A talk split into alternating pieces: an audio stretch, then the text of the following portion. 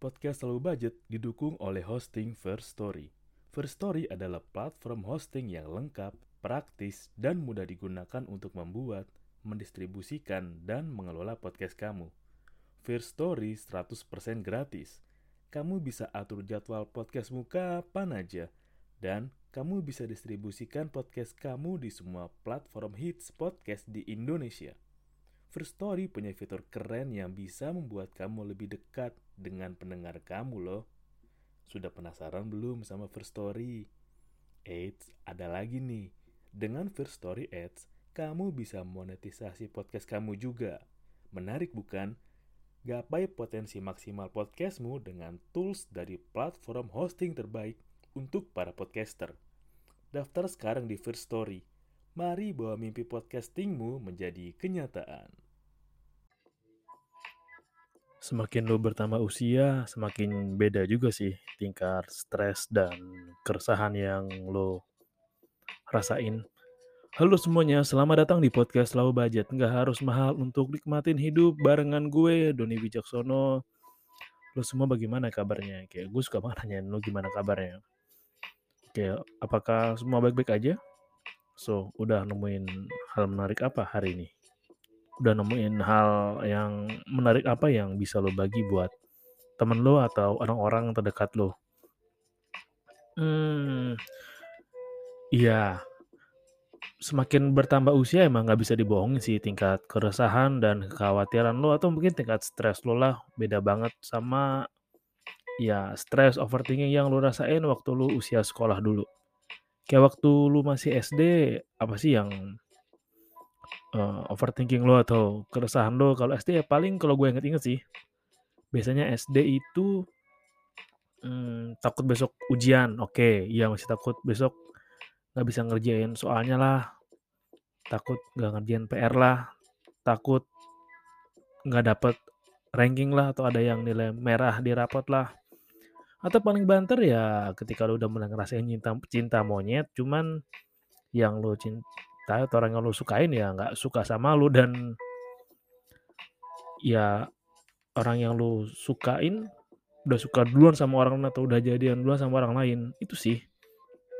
Ya kalau misalkan dari masa peralihan SD ke SMP dan ke SMA pun ya sama kayak tingkat stres lu overthinking lu pasti gimana caranya lu bisa masuk ke sekolah yang lu mau bagaimana lu bisa ya kembali ke punya gebetan lu gimana caranya gebetan lo atau doi masih mikirin lo apa enggak.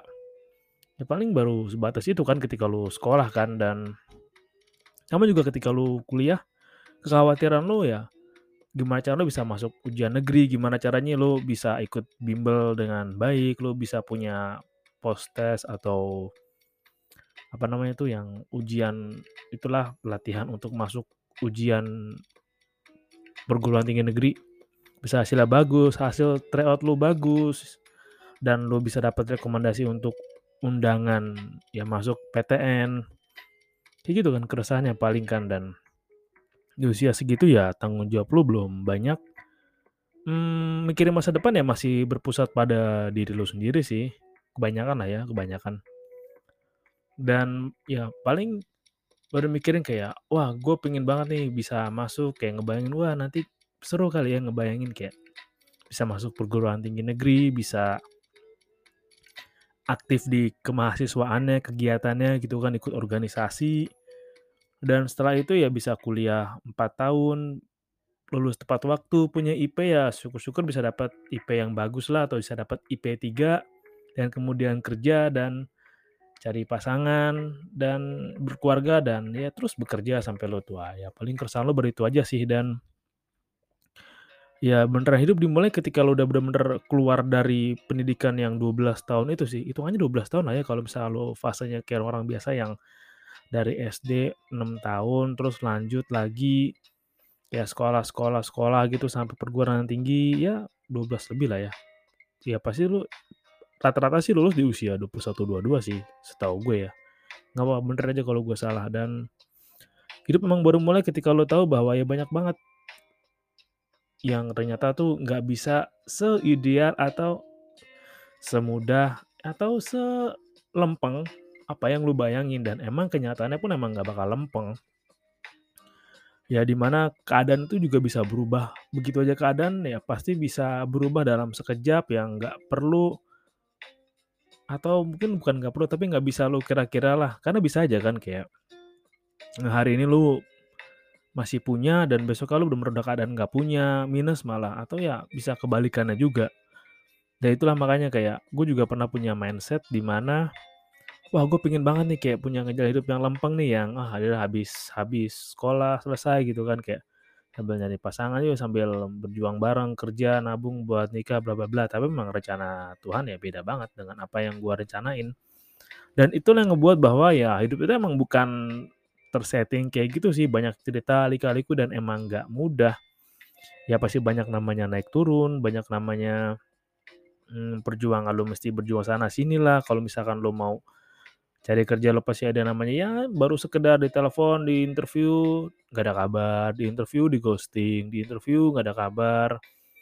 Terus pas interview tahap satu masuk tahap dua gagal atau nego gaji terlalu kecil ya udah abaikan. Kayak fase-fase itu juga yang ya pasti bakal rasa idealnya lah. Dan ya menurut gua wajar aja sih lu ngerasa iri dengan mungkin ada temen lu yang hidupnya emang lempeng banget. Kayak orang tuanya bersyukur banget punya privilege, punya harta dan aset yang banyak sehingga bisa benar-benar pada fase yang lurus, sekolah yang bagus, pendidikan yang bagus, punya akomodasi yang bagus dan dibantuin juga ketika dari persiapan selesai masa-masa kuliah lah mencari kerja dan dibantuin dengan relasi yang orang tua mereka punya. Atau misalkan ya buat lo yang mau merintis usaha dan punya privilege lebih orang tua lo orang punya dan siap modalin ya ada kalian pasti lo iri juga lah. Ya dibilang mulai dari nol tapi emang bantuan orang tua dan ya pasti ada rasa iri juga lah dan ada, ada rasa nggak percaya bahwa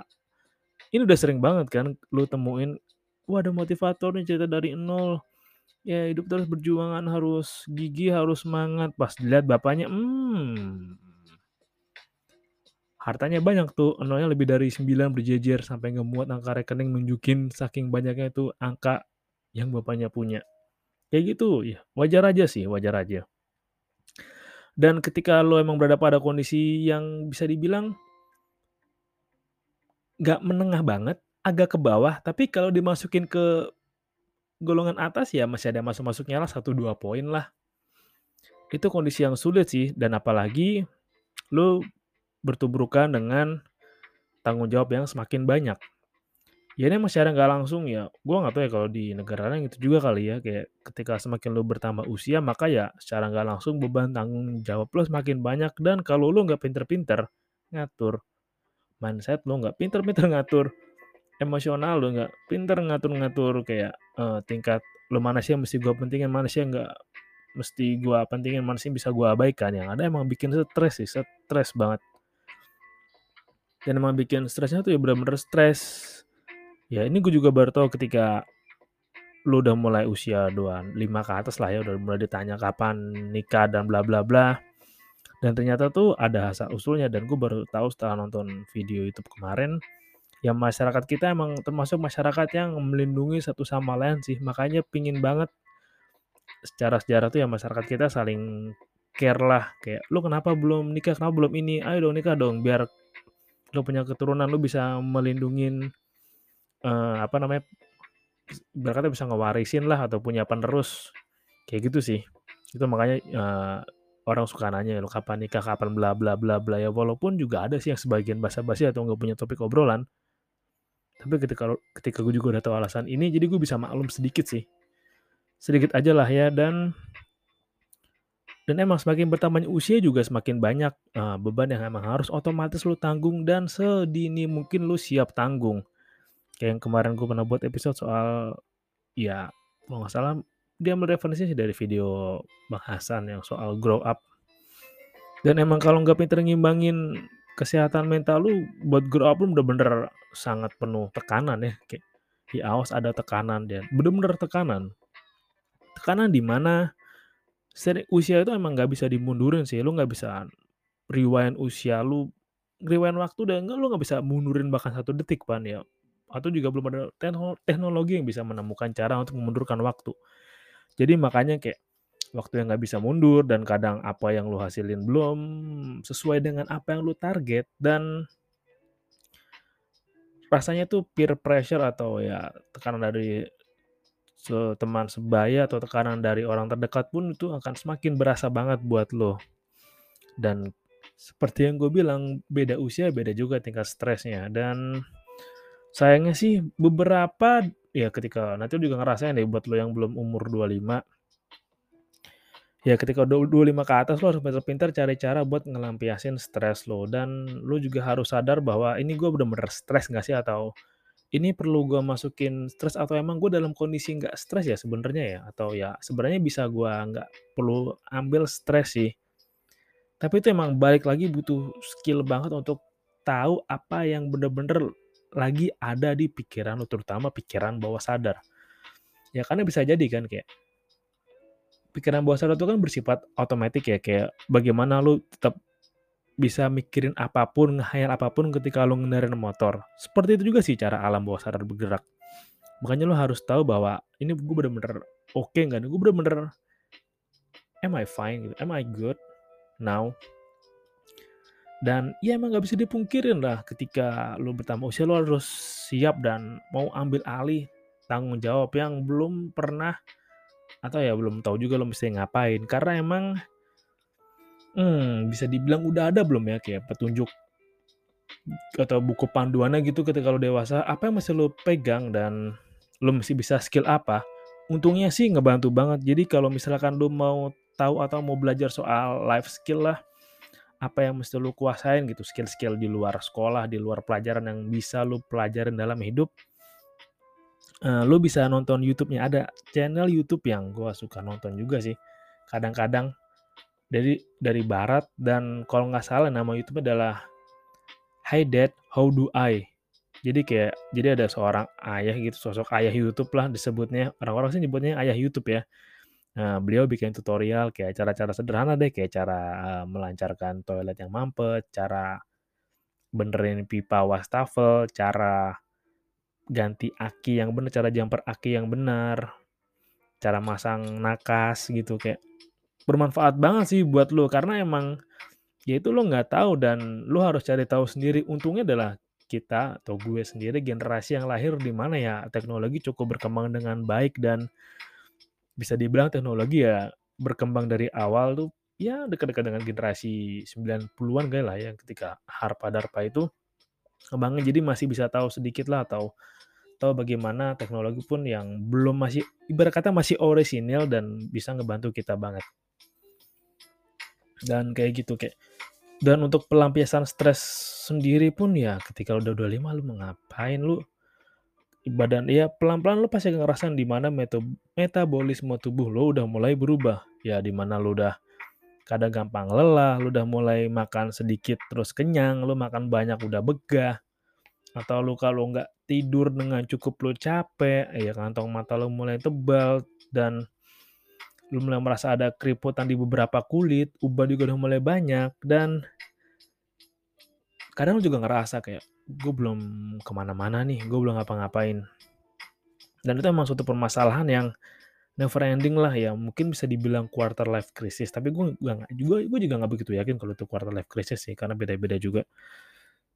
Itu lebih ke, ya kemungkinan gue, baru tadi gue bilang kayak udah semakin usia kayak lo makan malam tuh udah nggak bisa banyak sih udah cukup lah lebih ke bagaimana lo maintain tanggung jawab lo lebih ke gimana caranya gue tetap bisa waras tetap bisa sehat secara fisik rohani ya mental dengan semuanya ini.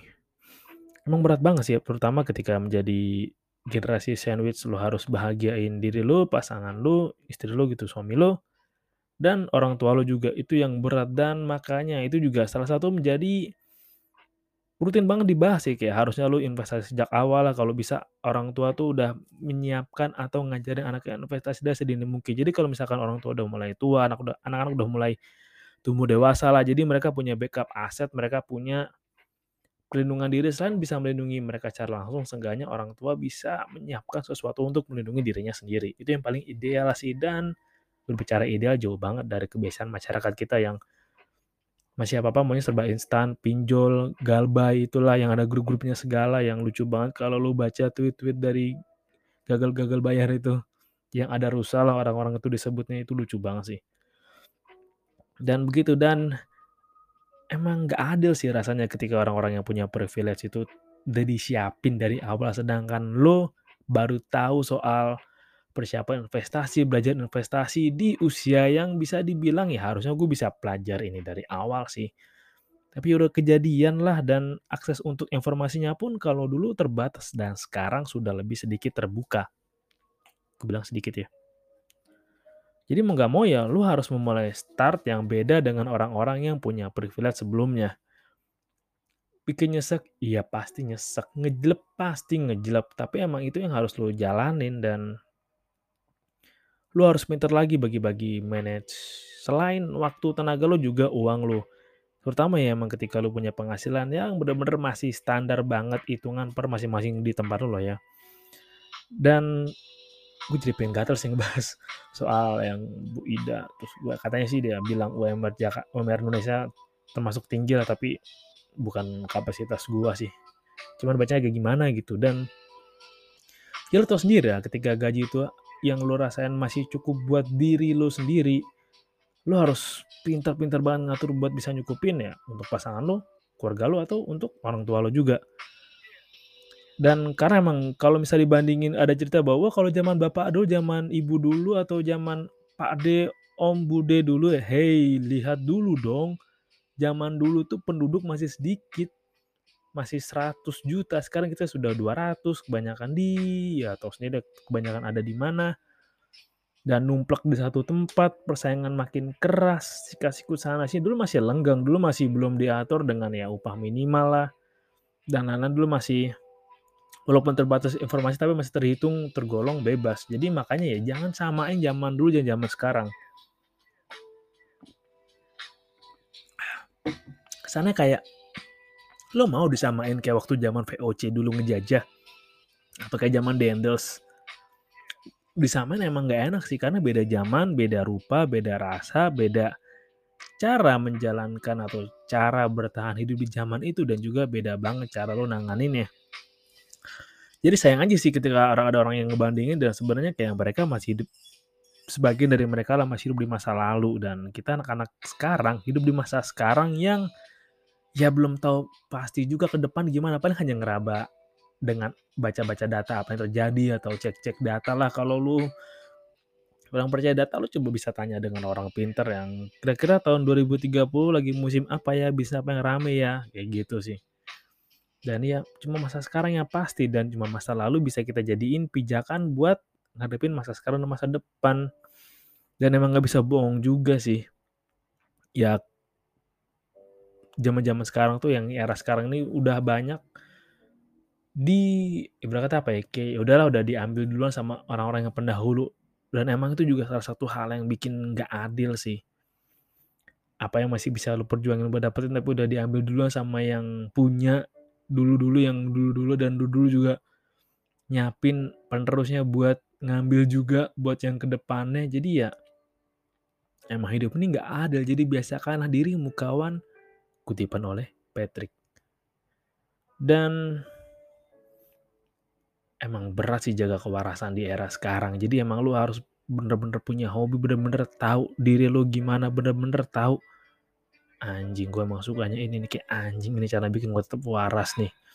Dan kalau bisa dengan cara lu untuk ngilangin stres ngelampiasin stres lu juga bisa jadi income tambahan buat lu itu udah plus banget sih kayak ngebantu banget lah. Sekarang nama pinter-pinteran lu diminta untuk bikin hmm, multiple stream of income banget banget. Nggak cuma satu doang ya karena orang-orang di sekeliling lu pun saingan lu udah bukan orang Indonesia lagi mende orang asing yang dananya itu lebih banyak lebih murah kalau mereka convert uang mereka ke kita dan mereka yang naruh invest-invest di kita dan ya segala macem apa yang ada di belakangnya lah lu emang udah bener-bener harus ekstra berjuang lagi dan kalau lu nggak nyiapin penerus lu dan nyiapin anak-anak lu lah buat ngadepin sekarang dan lebih kuat, lebih aware, lebih waspada ngadepin masa depan. Kasihan mereka juga. Karena emang belum tentu pasti sih apa yang terjadi di masa depan tuh kayak apa. Ya soal bagaimana soal kripto lagi rame-ramenya sekarang lah. Bisa jadi lima tahun kemudian kripto bisa jadi uang yang berlaku alternatif lah di suatu negara. Kita nggak pernah tahu kan kayak gimana. Jadi emang penting banget edukasi diri lu, penting banget juga ngenalin stresor lu apa. Kalau misal ada yang lagi ganggu pikiran lu tuh apa, lu harus sadar bahwa oh ini ternyata lagi ganggu pikiran gua hal-hal ini deh. Gimana gue cara ngadepinnya ya? Lu harus hadapin itu, lu nggak bisa ngelak, lu jangan ngindar ya. Hadapin aja. Dan akuin aja sih dan emang rasanya berat banget ketika uh, lu stres, lu nggak bisa ngungkapin, cuma bisa mendem, ujungnya emang nyakitin diri lu sendiri. Dan emosi yang dipendem begitu rutin, begitu sering, begitu banyak yang ada suatu saat akan meledak dan hasilnya bisa jadi nggak karuan atau bahkan nyakitin diri lu sendiri dan orang-orang terdekat lu dan itu bukan sesuatu yang baik sih. Jadi ya lu harus tahu dan punya cara yang lu banget nih untuk jaga akal sehat lu tetap waras, jaga pikiran lu tetap waras, badan lu sehat, dan mental lu tetap kuat. Dan ya secara nggak langsung bahwa ya pikiran lu ngeling langsung, terhubung langsung dengan badan lu. Begitu juga dengan sebaliknya. Jadi emang pinter-pinter lu emang dan harus sekreatif lu lah cari cara untuk ngelampiasin stres lu dan kalau bisa dengan cara yang positif dan dengan cara nggak ngerugiin diri syukur-syukur cara lo untuk ngilangin stres bisa dengan buat lo jadi nambah income. Syukur banget ya dan terakhir sebelum gue pamit besar harapan gue dan semoga lo yang dengerin podcast ini punya cara yang baik dan bisa punya manfaat ketika mengelampiaskan stres lo dan lo semua tetap semangat ya ya emang kadang anjing sih. Lu ketemu dengan orang yang anjing yang bangsat yang enak banget dia jalan hidupnya kayak gampang banget lempeng aja gitu. Emang emang gak adil. Jadi lu harus keep going man kayak keep going keep fighting lah tetap jadi lapar tetap jadi lo yang strong. Dan tetap edukasi diri lo sendiri jangan sampai ya lo dibodoh-bodohin sama orang. Udah capek lah dibodoh-bodohin sama orang di goblok-goblokin orang ya. Saatnya lu melindungi diri lu dan melindungi orang-orang yang lu sayang. Itu aja sih keresahan gue di episode ini. Thank you udah dengerin tetap jaga kesehatan dan tetap masih pakai masker ya jangan dilepas jangan sering dilepas dulu oke? Okay? kalau nggak ada keperluan penting sih. Itu aja. Terima kasih bang udah dengerin. Salam low budget. Gak harus mahal untuk nikmatin hidup